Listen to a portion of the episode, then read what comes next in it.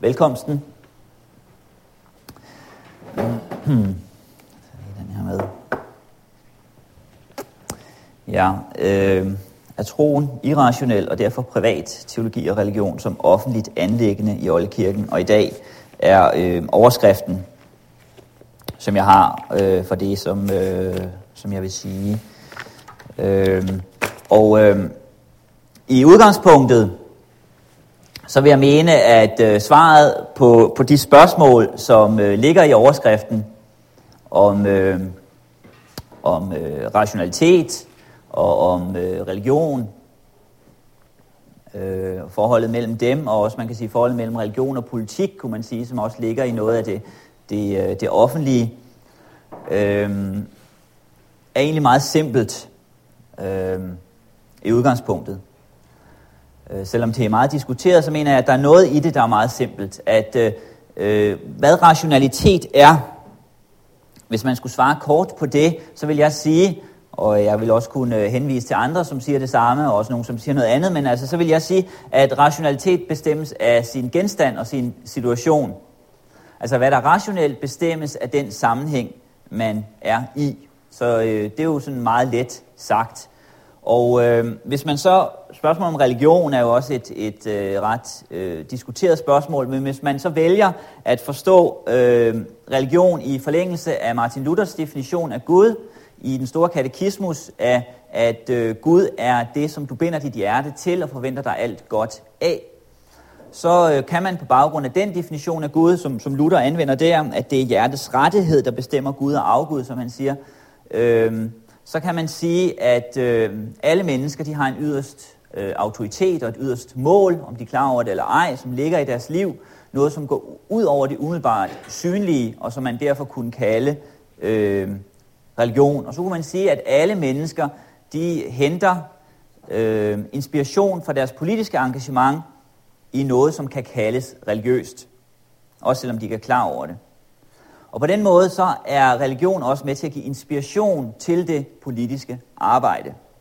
Det er der også andre, øh, der, der siger, som for eksempel øh, Jürgen Habermas eller øh, Erling Tidemand eller, eller andre, der kan finde på at sige noget, noget lignende.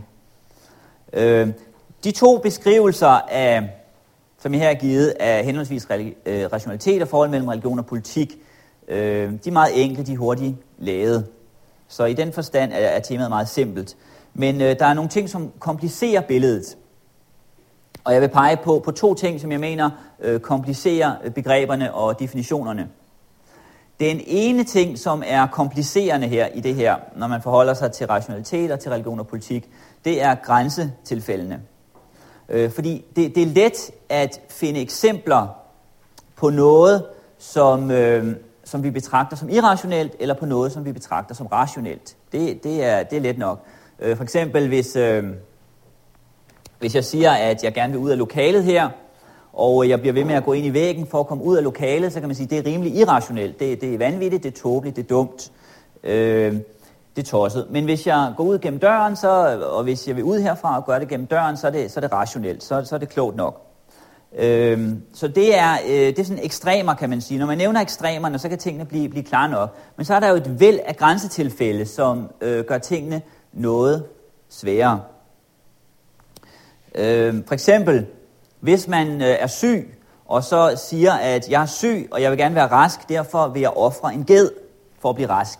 Er det så rationelt, eller er det øh, sygeligt at gøre det? Eller hvis man siger, øh, jeg er syg, og derfor vil jeg bede til Gud om, at jeg kan blive rask. Er det så rationelt at gøre det, eller er det sygeligt? Øhm, øh, den amerikanske øh, filosof øh, Daniel Dennett, en nutidig filosof, som øh, står som en af øh, dem, man kalder nyateisterne, en meget kraftig kritik af, af øh, religion i det hele taget, også af kristendom. Han fortæller i en af sine bøger, øh, det er i, øh, jeg kan ikke lige huske, hvad den hedder, øh, nå, han fortæller i en af sine bøger, at, at øh, på et tidspunkt skulle han opereres, han skulle på hospitalet, han skulle opereres, og så efter operationen, så var der nogle af hans venner, øh, der fortalte ham, at de havde bedt for ham under operationen, at operationen øh, måtte gå godt. Og så skriver han i bogen, at det han tænkte på, øh, da de sagde det til ham, det var, at han tænkte på at spørge dem, om de måtte også offrede en ged, for at operationen måtte gå godt. Altså han tænkte, den, det de gjorde, det var, øh, det var irrationelt, det gav ikke nogen mening. Øh, andre eksempler, altså eksemplerne kan jo være legio. Et andet eksempel, man kunne, man kunne stille, som kunne komplicere sagen, kunne være, er det rationelt at vaske hænder 20 gange om dagen? Er det rationelt at gøre det 10 gange? Er det rationelt at gøre det 5 gange? Og så videre. Øh, med hensyn til forholdet mellem religion og politik, så tror jeg, at de fleste i dag øh, vil være enige om, at det er forkert at sige, at i et eller andet land, hvis man sagde det, at alle i landet øh, hver dag skal ofre en ged, eller ikke hver dag, hver tirsdag skal ofre en ged, hvis man sagde det. Man lavede en lov, hver tirsdag skal alle i landet ofre en ged, og det skal man enten fordi, at det står i en eller anden bog, at det skal være sådan, eller fordi, at der er en, der har haft et syn, øh, hvoraf at det kommer til udtryk, at det er det, man skal gøre, det vil være godt for landet. Det vil være tydeligt for de fleste i dag, at, øh, at øh, det, er, det er ikke et ret forhold mellem religion og politik. Men tingene bliver øh, mere komplicerede, når man taler om en statskirke, forholdet mellem staten og en kirke i et land. Eller om, når man taler om en åbningsgudstjeneste ved Folketingets åbning. Eller når man taler om dommere, om de skal have øh, tørklæde på, når de er på arbejde eller ej, om de må have det, om fader hvor i folkeskolen. Øh, om man kan give statens uddannelsesstøtte til et øh, konfessionelt bundet uddannelsessted og man kan give det til muslimer, eller Jehovas vidner, eller mormoner, eller socialdemokrater, eller så videre, og så videre. Eller diskussionen om øh, teologi kan have sin rolle og sin plads på universitetet, eller ej. Øhm, når man rejser sådan nogle spørgsmål, så øh, opstår der uenighed, og så synes tingene i hvert fald ikke for alle at, øh, at være så klare mere. Øh, grænsetilfældene, de er altså med til at øh, komplicere det her, som, som man egentlig kan øh, formulere som et rimelig enkelt spørgsmål. Øh, og øh, de aktuelle grænsetilfælde, de ændrer sig også øh, med tiden, hvilke grænsetilfælde det er, man forholder sig til. Noget andet end grænsetilfældene, som også komplicerer det her spørgsmål om rationalitet og forhold mellem religion og politik, øh, det er, at... Øh, det er, at hvad der generelt i almenheden, i folk, så folk sådan almindeligt øh, i dag og i forskellige lande, øh, ændrer sig over tiden. Hvad man betragter som rationelt, ændrer sig over tiden. Øh, på nogle tidspunkter, når man ser historisk på det, på nogle tidspunkter er der nogle argumenter, der synes meget overbevisende, og på andre tidspunkter er de knap så overbevisende, og der er andre øh, argumenter og måder at tænke på, der kommer ind. Øh, det er også noget af grunden til, at, øh, at øh, kirkehistorie er en, er en vigtig disciplin, at, øh, at dagsordner de ændrer sig over tid, og der er forskellige dagsordner. Øh, der er en anden dagsorden i dag ofte, end der var for, for 100 år siden osv. Hvis man tager øh, religionskritikken og kritikken af kristendommen som eksempel, så øh, kan man se det. I oldkirken, på oldkirkens tid, blev, øh, blev øh, kirken kritiseret, og der var flere, der kritiserede kirken og kirkens budskab for at være tåbelig, for at være irrationel og for at være farlig for samfundet. Og den øh, kritik havde en, en særlig retorik og en særlig udformning. I oplysningstiden i, øh, i det 18. århundrede, der var det anderledes. Hos øh, Marx og Nietzsche igen er det, øh, er det anderledes. Hos øh, de logiske positivister og hos Freud igen er det anderledes. Og når vi så ser her i begyndelsen af det 21. århundrede, hvordan kritikken bliver øh, formuleret, så er det andre ting, der bliver trukket frem. Altså retorikken er forskellig, argumentationerne varierer. Og det gør, at, øh, at, at hvad der umiddelbart kan synes som et godt argument, hvad, hvad der umiddelbart kan synes overbevisende, det, det ændrer sig. Hvis man for eksempel ser på, øh, øh, bare for, for at gribe fat et sted, hvis man ser på Richard Dawkins for eksempel, den, den engelske biolog, øh, som ham som nogen kalder øh, øh, ypperste præsten blandt nyartisterne, øh, hvis man ser på hans øh, bevis for Guds ikke-eksistens i, øh, i sin bog øh, The God Delusion, øh, om at... Øh, om at verden er kompliceret og så videre, og, og derfor kan, må Gud være meget kompliceret, hvis han skal stå bag den her verden, og derfor kan Gud eksistere, ikke eksistere og så videre. den form for, for argument for Guds ikke-eksistens, som man bruger i den bog, er der nogen i dag, der, kan synes, der, der synes er tiltrækkende og overbevisende, men den er ganske anderledes end, end for eksempel, hvad sådan en som Feuerbach eller andre kan finde på at sige. Så hvad der umiddelbart synes overbevisende for nogle mennesker, ændrer sig over tid. Okay. Derfor, fordi at øh, jeg, jeg sigter imod nogle svar på det her spørgsmål, som øh, i sig selv kan være enkle, øh, men det som er øh, svære ved dem, det er praktiseringen af dem. Praktiseringen af de enkle svar, de er svære.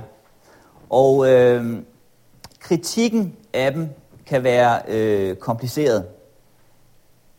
Derfor, det jeg øh, vil gøre her i dag, det er, at øh, jeg, vil, øh, jeg vil oprise noget af rationalitetsdebatten i det 20. århundrede.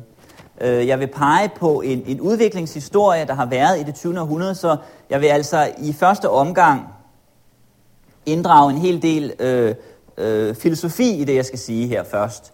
Øh, fordi at øh, der er sket en ændring i diskussionen om, hvad, hvad der er rationelt i løbet af det 20. århundrede, hvordan man skal forstå menneskelig tænkning, øh, hvor sikker den er osv. Øh, og den historie er med til at sætte en baggrund for den debat, som vi også har i dag, og den øh, diskussion, som, øh, som er i dag. Øhm, og så vil jeg, det, det tænker jeg, at øh, jeg vil skynde mig at blive færdig med her i, øh, i første time, og så vil jeg i næste time øh, vende mig til øh, nogle forskellige øh, øh, nutidige teologers svar på de her spørgsmål og måder at gribe det an på. Og øh, de forskellige filosofer er også relevante for teologerne, fordi at man kan, når man læser teologerne, så kan man se, at hvad filosoferne siger, giver ekko hos øh, teologerne. Øh, de læner sig op på forskellige måder, enten i kritik eller i anvendelse af, af de forskellige øh, filosofer. Så derfor er den filosofiske rationalitetsdiskussion også relevant for teologien, når man skal forstå, hvad teologerne siger. Men øh, inden jeg øh, griber noget længere tilbage i historien, så lad mig først lige øh, pege på, på noget, som har sat gang i, øh, i debatten. Øh, når man læser øh, Sam Harris, en amerikaner igen, Sam Harris, øh, som også står som en af, af de der ledere i, i det, som så kaldes nyateismen. Øh, når man læser øh, Sam Harris' bog The End of Faith, som også er kommet på, på dansk troens falit, så skriver han i, øh, i, øh, i, i slutningen af bogen, The End of Faith, at det er øh, nogle få dage, jeg tror det er et par dage efter angrebet der på World Trade Center, han sætter sig ned og skriver den her bog.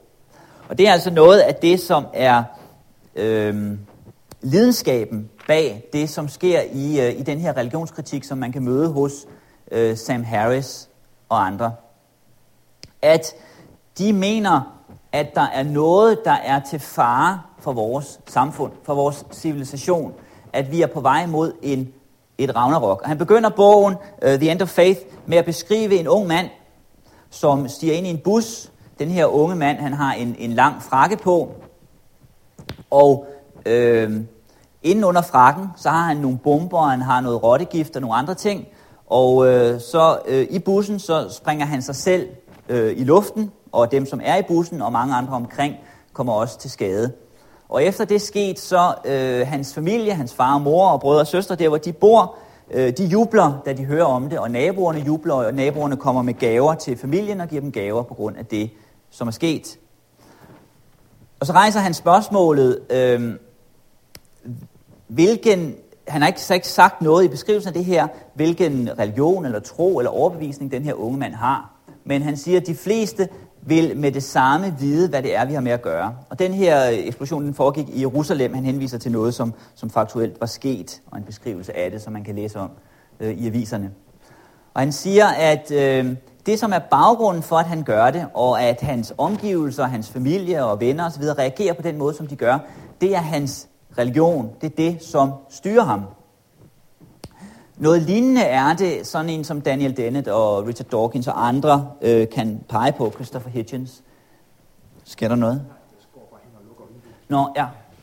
Øh, at religion er i dag øh, blevet en fare for samfundet. Og måden at tænke på er irrationel, den er øh, sygelig, øh, den er øh, tosset.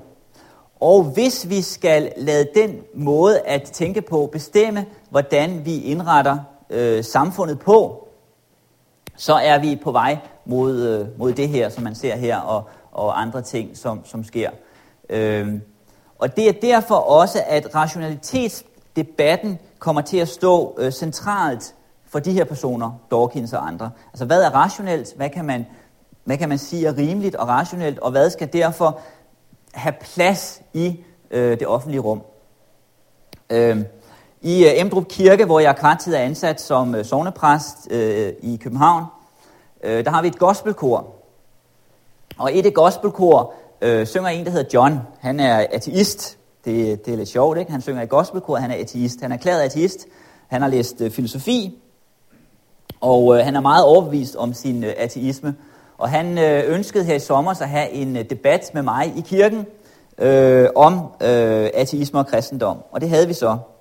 Øh, og der kom en del af hans venner også, som også er ateister osv. Og, og den øh, debat, som vi havde der i sommer om ateisme og kristendom, ham og jeg, og de andre, som var til stede, var også med til at øh, vise for mig, hvor for mange i dag, hvor aktuel den her problemstilling er, og hvordan mange af de argumenter, som man møder hos Sam Harris og Dawkins og andre, vinder genklang hos, hos, øh, hos andre. Øh, det her billede, som vi ser her, er med til at gøre øh, debatten følelsesladet og, øh, og nærværende. Øh, vi møder den jo også i den danske politiske debat. Øh, her har vi en person, som der er en del, der ved, øh, hvem er. Øh, Anders Fogh Rasmussen, som på et tidspunkt har sagt, at, øh, at der er for meget religion i det offentlige rum. Og øh, det er jo udtryk for, at han ser det i hvert fald på det tidspunkt øh, som et, øh, et problem, hvis religion, eller måske var det, han i virkeligheden mente, uden at vide det, at det var en bestemt form for religion, øh, han ikke øh, brød sig om. Øh, og han ser et, et problem i det, øh, fordi at der bliver så sat en dagsorden for det offentlige rum og for det politiske arbejde, som er øh, farlig og, kunne man sige, måske irrationel. Øh, Nasser Carter er jo også kendt for det, og hans forbud mod øh, burka, det konservative folkeparti, på et tidspunkt foreslår det og trækker det tilbage igen, når de finder ud af, at det var grundlovsstridigt. Så hele den debat viser, hvordan øh, spørgsmålet er nærværende for mange i dag. Her har vi øh, Richard Dawkins, jeg tænkte, at lige skulle have et billede af ham også fra Oxford.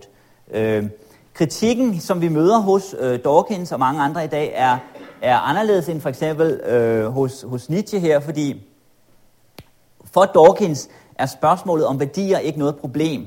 Øh, giver en udtryk for, altså øh, mennesket er godt, det ligger i det skener at øh, være godt, øh, ligesom dyr tager sig af deres afkom, sådan ligger det også naturligt hos mennesker at gøre det. Øh, der er så nogen, som øh, øh, er fanget af en eller anden form for virus, som gør, at de øh, ikke, ikke tænker sådan. Og det er jo så et problem, som han mener, at, at øh, vi kan og bør øh, udrydde. Øh, ligesom ham, artisten John, jeg, jeg diskuterede med i Hjemdrup Kirke i sommer, mente også, at grundlæggende er mennesket godt. Der er så nogen, der er patologiske, som, øh, som, som vi har et problem med, men det er sådan nogle særlige mennesker, ellers er mennesket godt. For Nietzsche derimod var Guds død, at Gud ikke er, som, som Nietzsche mente, var tilfældet et problem, fordi det også var et værdimæssigt problem. Sådan er det ikke for alle i dag. Øh, ja. Jeg tænkte, at her har vi et, et billede af, af John Rawls, øh, en, en, øh, en filosof fra USA, Harvard. Øh, jeg tænkte for at øh, opremse noget af, af diskussionen og rammen omkring øh, politik og religion, øh, vil jeg sige lidt fra, om, om John Rawls og hans bog øh, A Theory of Justice fra, fra 1971. Men øh, jeg har besluttet mig for, at jeg ikke vil sige særlig meget om det, for det har vi ikke rigtig tid til. Men, men jeg øh, vil egentlig lige gå et skridt tilbage, og jeg vil bare pege på nogle enkelte dele hos hans, i hans, øh, hans tænkning. Der er nogen, der har beskrevet hans bog her, A Theory of Justice af John Rawls, øh, hans teori om, om retfærdighed, at den har fået en sådan øh, betydning, at øh, når man skal tale om, om retfærdighed i dag, og hvordan samfundets indretning osv., så, videre, så enten tænker man i forlængelse af John Rawls, eller også må man begrunde, hvorfor man ikke gør det. Sådan er der nogen, der, der mener, at han har haft en stor indflydelse. Og ikke desto mindre kan han øh, bruges som et eksempel på, på øh, øh, nogle af motiverne i den her diskussion og, og rammerne for den. Øh, jeg havde skrevet nogle forskellige citater ned øh, fra bogen. Det tror jeg egentlig, jeg vil gå hurtigt igennem, fordi det har vi ikke lige tid til. Så jeg hopper lidt. Øh, skal vi se. Øhm, det, som er noget af baggrunden for, for hans, hans bog, det er også øh, hele borgerretsdiskussionen i USA på det, på det tidspunkt. Og det, som er tanken, det er at skabe et retfærdigt samfund. Skabe en ramme for samfundet, hvor alle øh, grundlæggende er lige og kan være en del af samfundet, uafhængigt af hvilken race man har, hvilket køn man har, hvilken religion man har osv. Og det, som han så også øh, forsøger at, at udvinde gennem bogen, det er også øh, spørgsmålet om rationalitet bliver et vigtigt begreb der. For det greb, han, han anvender i spørgsmålet om, om, hvad der er retfærdigt i samfundet og uretfærdigt, det er også spørgsmålet om, hvad der er rationelt og irrationelt. Og det, som øh, staten kan, øh, kan sige til borgere, mener John Rawls, som, som vil kræve nogle særlige ting af staten, som, øh, som, som øh, man ikke skal kunne kræve af staten, det er, at man kan sige til dem, det er irrationelt deres ønske. For eksempel, hvis at der er nogen, der kommer med en særlig bog og siger, at vi skal indrette samfundet på en bestemt måde, fordi det står i den her bog, om det så er Koranen, eller Bibelen, eller Mormons bog, eller hvad det er.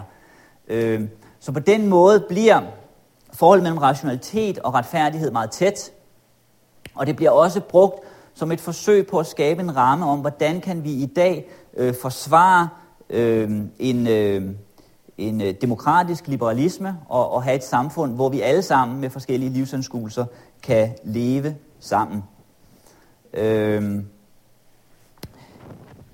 det var, det var lige kort noget om, om øh, John Rawls. Nu, nu springer jeg lidt tilbage i historien for at, øh, for at pege på, hvor debatten har været tidligere, og dermed også, øh, hvor øh, vi er øh, i dag.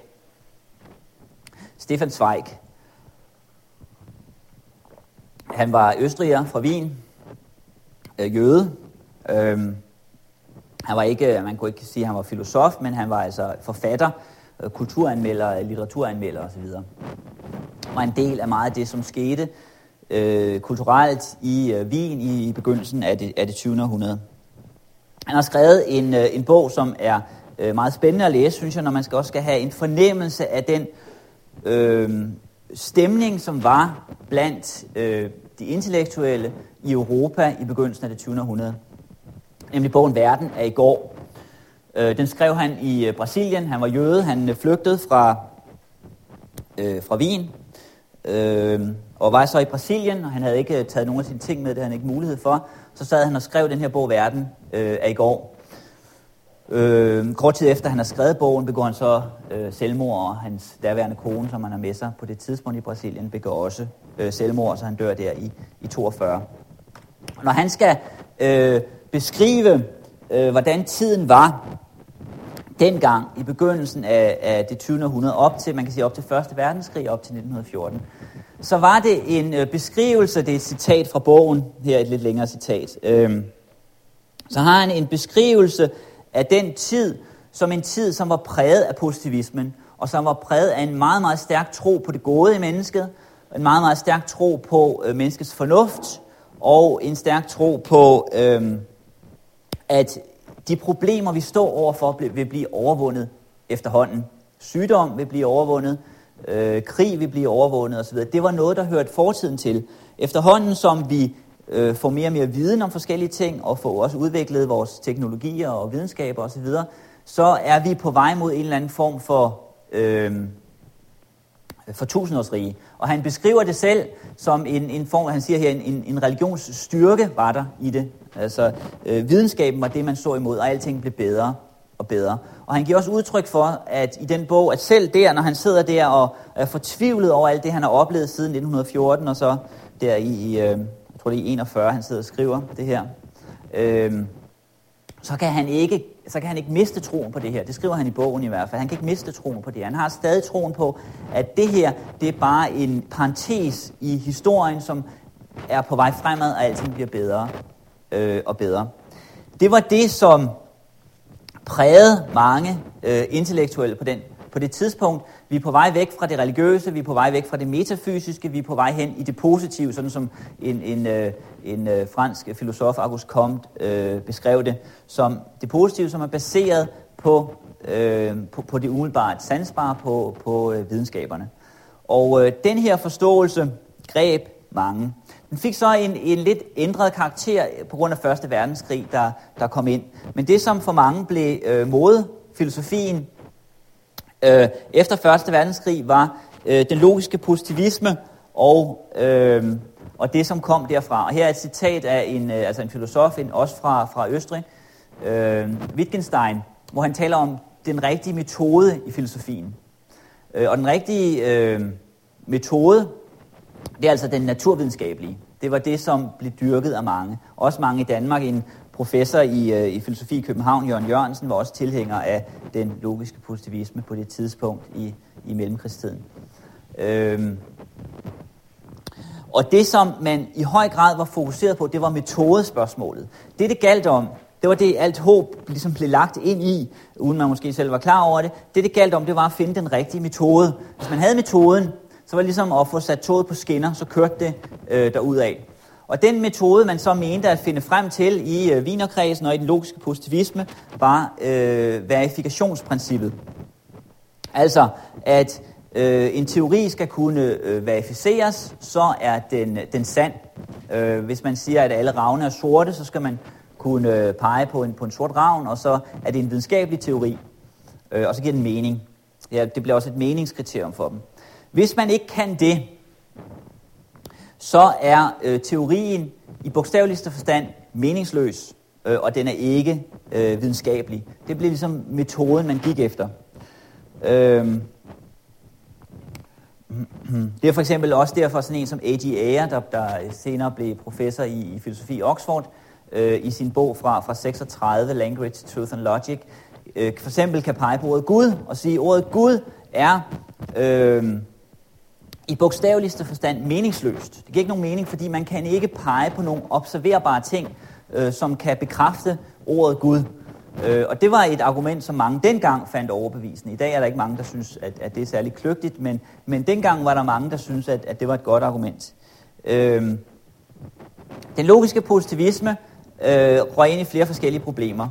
Øh, en, som også var fra Wien, i Østrig, og som øvrigt også ifølge de nazistiske definitioner var jøde og måtte flygte fra, fra Wien, øh, var øh, Karl Popper. Der er en fra øh, Wienerkredsen, der har kaldt ham den, den officielle opposition til øh, Wienerkredsen, fordi han til stadighed øh, pegede på nogle problemer i deres tænkning.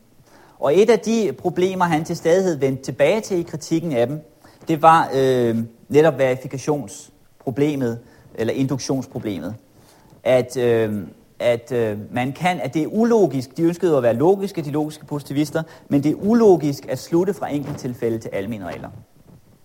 Det er ulogisk. Ligegyldigt, hvor mange, øh, det klassiske eksempel, ligegyldigt, hvor mange hvide svaner man har set, derfor kan man ikke slutte, at alle svaner er hvide. Den slutning er ulogisk.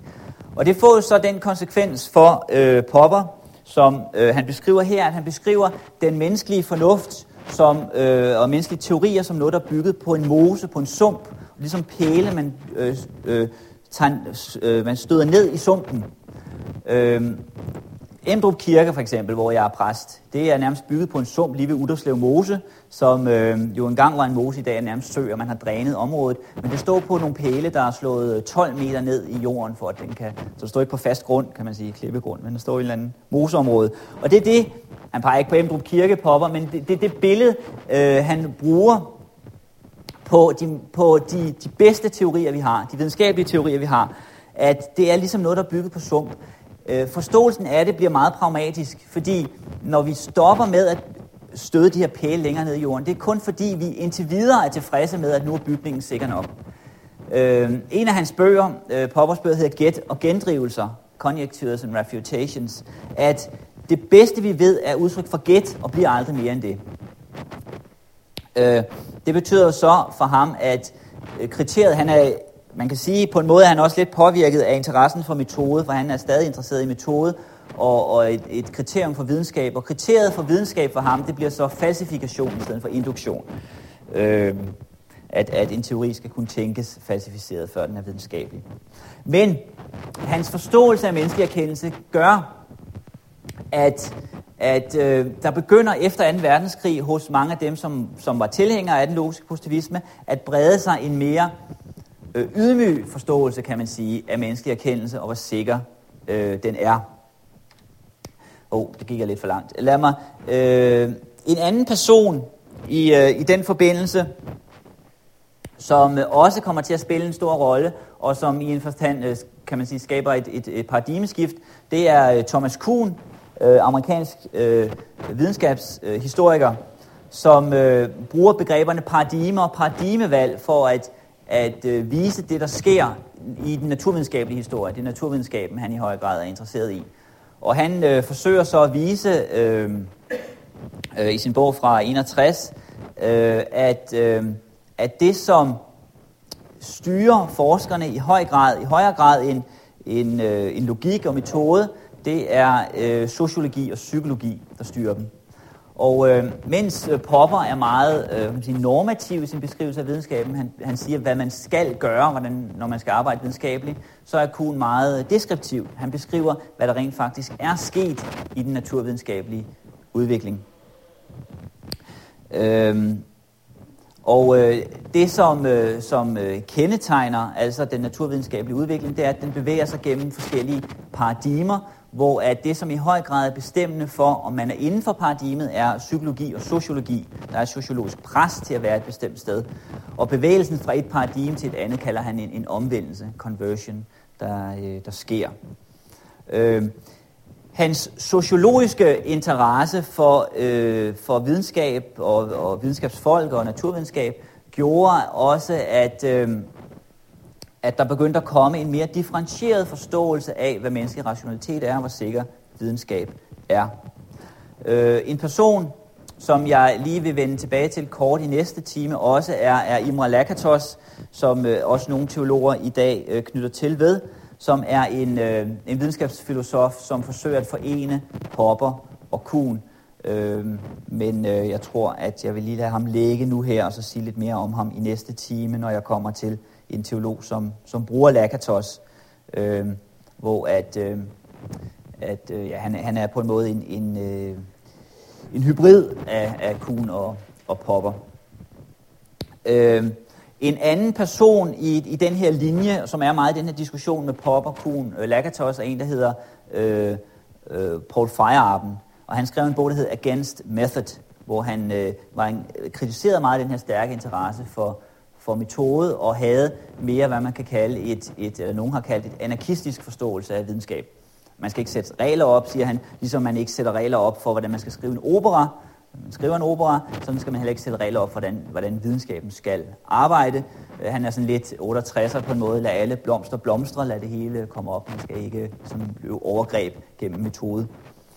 Øhm, den her udvikling er med til at altså vise en mere ydmyg forståelse af menneskelig rationalitet. Inden for den ramme er der også en øh, person som Alistair McIntyre, øh, som øh, noget, som han i høj grad øh, beskriver, det er forskellige traditioner. Han er meget historisk orienteret, og øh, når han beskriver, øh, hvad der forstås som rationelt, og hvad der forstås som øh, retfærdigt øh, i den europæiske diskussion i det 20. århundrede, øh, så, øh, betegner, så beskriver han forskellige traditioner.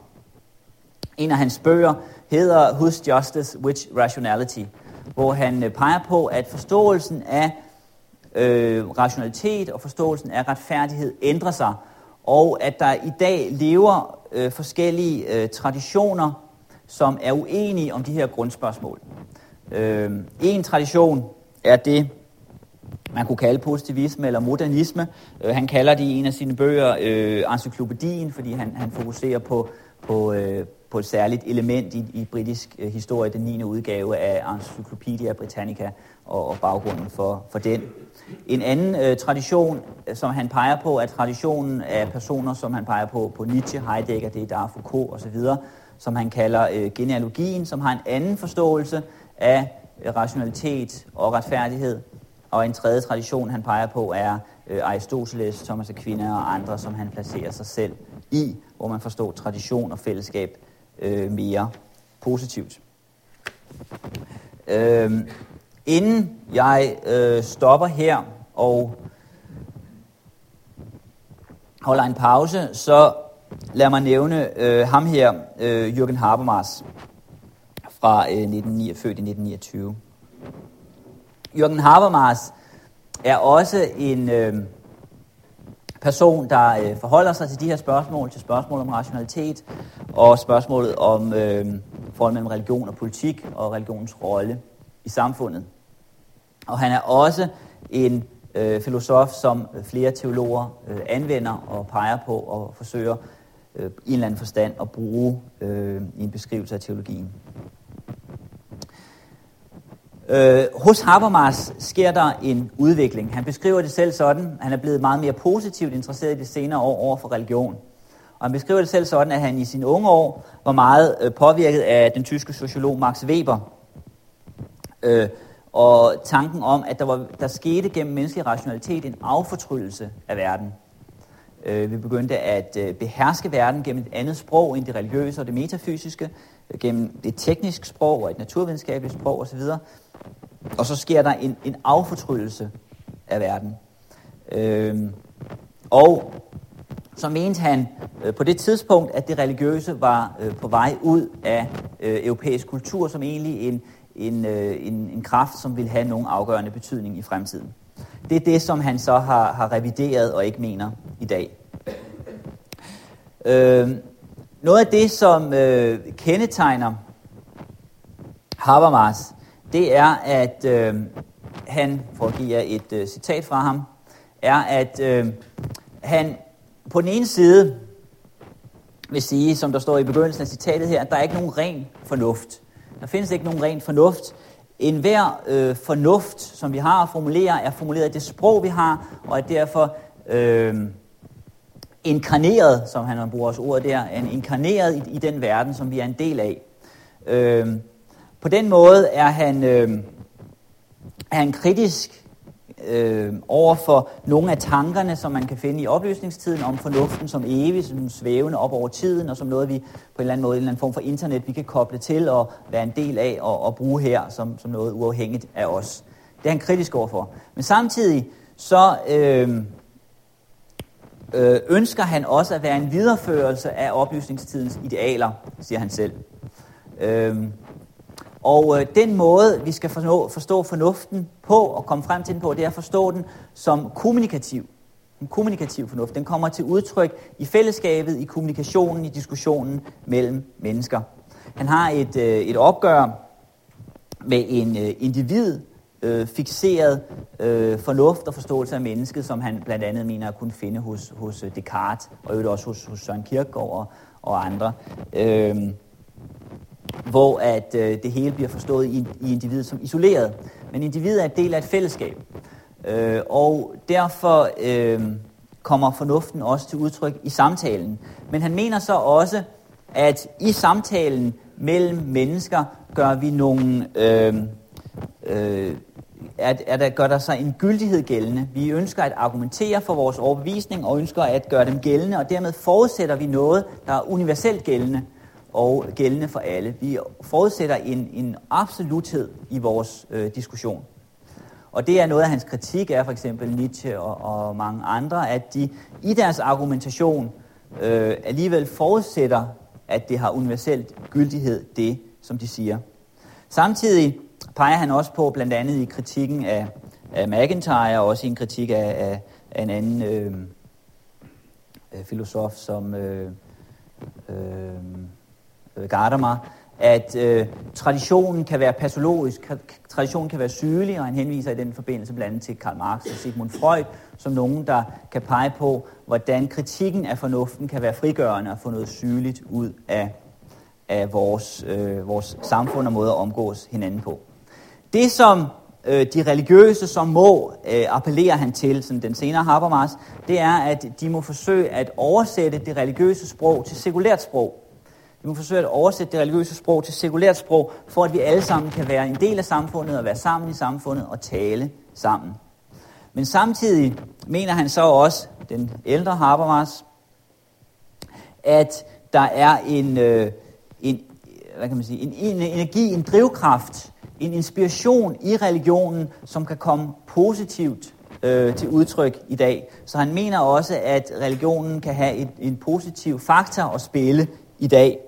Øh, et, et sted, blandt andet en af sine bøger, øh, stiller han spørgsmålet om, om øh, det moderne samfund er ved at udtørre de kilder, som det selv lever af, og, øh, og kan så nogle gange være noget, øh, øh, noget, noget kritisk over for, hvor vores samfund er på vej til at bevæge sig hen uden religion, selvom han siger, at han selv er religiøs umusikalsk øh, og ikke tilslutter sig nogen religioner og fastholder en, en metodologisk ateisme. Okay, det var sådan en uh, tour de force, kan man sige. Det var sådan en hurtig gennemgang. Øh, jeg håber øh, i næste time, at kan vise noget af relevansen for det her.